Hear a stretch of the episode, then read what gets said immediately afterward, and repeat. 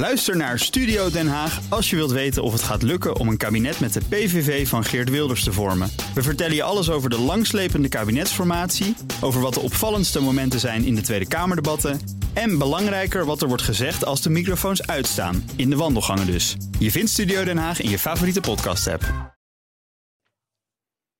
Bloody Monday werd het genoemd. De reactie van veel cryptovaluta op het nieuws dat het in China verboden wordt om start-ups te financieren met een nieuwe digitale munt.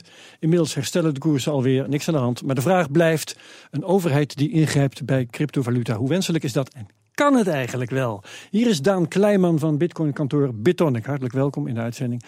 Goedemiddag. Maandagochtend lazen we China laat geen nieuwe ICO's, ICO's, iedereen mag bedenken hoe die het uitspreekt, initial coin offerings meer toe.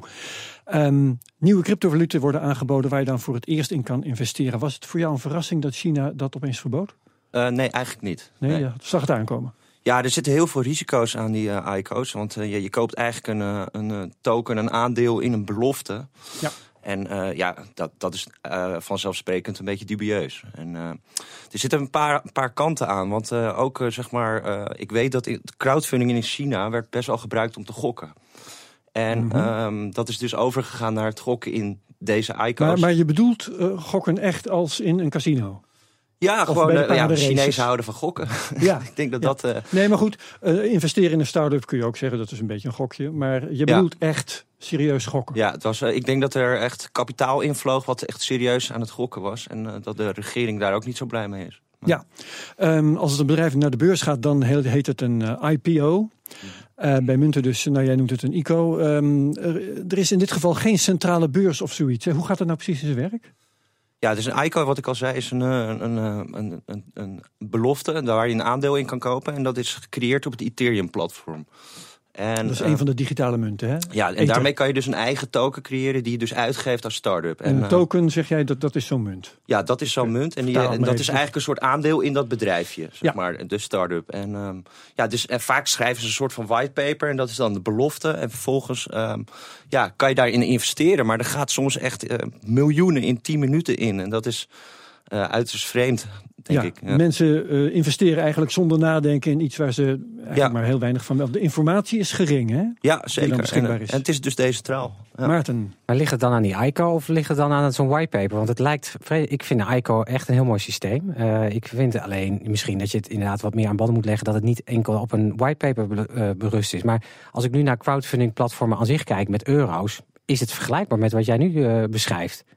Ja, dat, dat klopt helemaal. Maar ik denk dat er wel kwaliteitseisen gesteld moeten worden aan de start-ups die zo'n ICO uitgeven. Ja, dat begrijp ik, maar dan gaat het niet zozeer om de ICO, maar meer inderdaad om wat voor een bandbreedte geef je mensen. Dus niet alleen een whitepaper, maar bijvoorbeeld een proof of concept, et cetera, et cetera. Ja. Maar op crowdfunding platformen zoals Kickstarter, waar net over gesproken werd, is het eigenlijk niet anders. Maar dan gaat het wel over lagere bedragen, Maarten, denk ik. Ja, oké, okay, maar dat zijn dan dingen waar je naar kan kijken. Want ik ja, vind het ecosysteem ja. zelf vind ik echt heel fascinerend. En eindelijk denk ik van, nou, nu komen we met blockchain.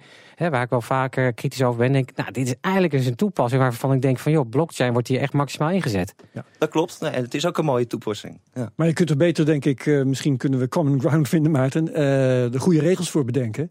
Dan, dan dat je het verbiedt zoals in China. Exact, ja. Ik ja. heb meer met het verbieden, heb ik ook het idee dat ze gewoon uh, zo'n munteenheid zoveel mogelijk aan banden willen leggen. Omdat ze denken, ja, daar hebben we geen controle over. Ja, en het kind nou, dat ook. Maar ik denk dat er ook gewoon veel, heel veel scams gebeuren. Waardoor je uh, 99% van de bedrijven waar je investeert, ja, die kunnen morgen weg zijn. Maar ja. dat is met start-ups sowieso. Nee, want die kan je wel. Ja, dat is waar. Alleen nu investeren er misschien mensen hun spaargeld in iets wat totaal uh, een loze belofte is. Maar ik heb altijd geleerd, je moet alleen geld investeren wat je over hebt. Ja, goed. ja. Nu gaan we beleggingsadviezen. Um, er is ook, wou ik even noemen, het Useless Ethereum Token. Ik weet niet of jullie daarvan hebben gehoord. Dat is een uh, ICO waarvan de uitgever heeft gezegd van dit is een scam. Ik ga dit geld op het strand ga ik allemaal verjubelen. En uh, zelf investeer hier niet in, maar als je het toch doet, dan ga ik het opmaken. En dat loopt waarschijnlijk ook redelijk Die heeft ongeveer een ton opgehaald. Oh, netjes. Ik, uh, ja, ja. Oké. Okay.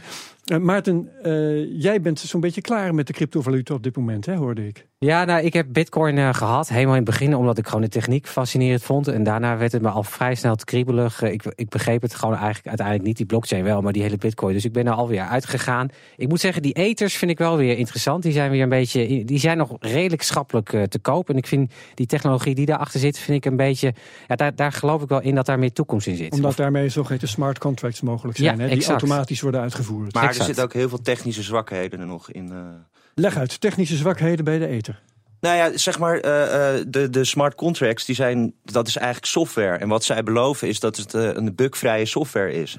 Ja, bugvrije software, dat bestaat eigenlijk niet. Dus Zelfs bij de NASA hebben ze bugs in hun software. Dus ja, om onder, er valt altijd, omdat er nu zoveel geld in zit, ja, gaan hackers dat proberen te. te, nee, maar ik heb ook nog nu, nu, nu weet ik het even niet. Ik kijk het weer aan, maar ik vind het vreselijk fascinerend. En de eters denk ik van, nou, die kun je nog voor een appel, nee, redelijk kopen. Hè. Een, bitcoin kost nu iets van 5000 dollar. Ik kan ook een stukje bitcoin. Ja, klopt. ja, misschien ook.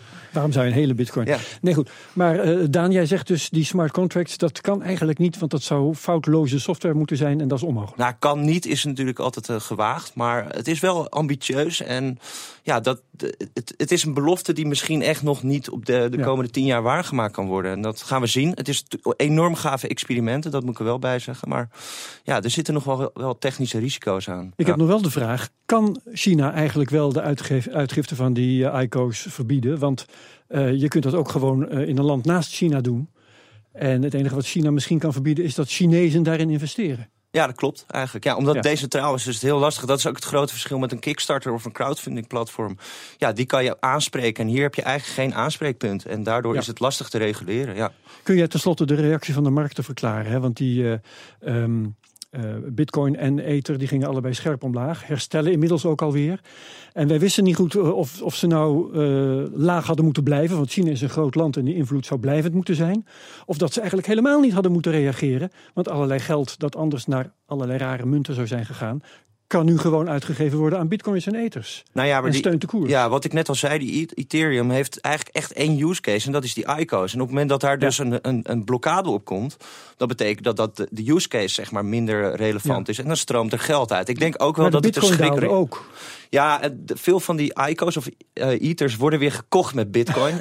en zo. Uh, en ik vermoed ook wel dat er gewoon slimme traders zijn... die van dit, dit, dit nieuws gebruik maken. En daardoor gewoon de markt laten instorten. De markt eigenlijk zijn er twee verschillende dus markten. Bitcoin heeft helemaal niks te maken met die ICO's... behalve dat je met Bitcoin Ethers of ICO's kan kopen.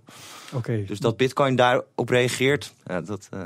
Is niet zo spannend. Dat laat eigenlijk ook wel zien dat er heel veel amateurs zitten te handelen. Hè? Want die schrikken hier dan van. En die, die denken, ik heb bitcoins, ik moet er nu vanaf. Dank Leijman van Betonic. Hartelijk dank voor je uitleg. Ook Hugo Reitsma vind je in de BNR-app. Superhandig die BNR-app. Je kunt alle programma's live luisteren, breaking nieuwsmeldingen. Je blijft op de hoogte van het laatste zakelijke nieuws. En je vindt er alle BNR-podcasts, waaronder natuurlijk de belangrijkste, Boeken zijn in de wijk. Download nu de gratis BNR-app en blijf scherp.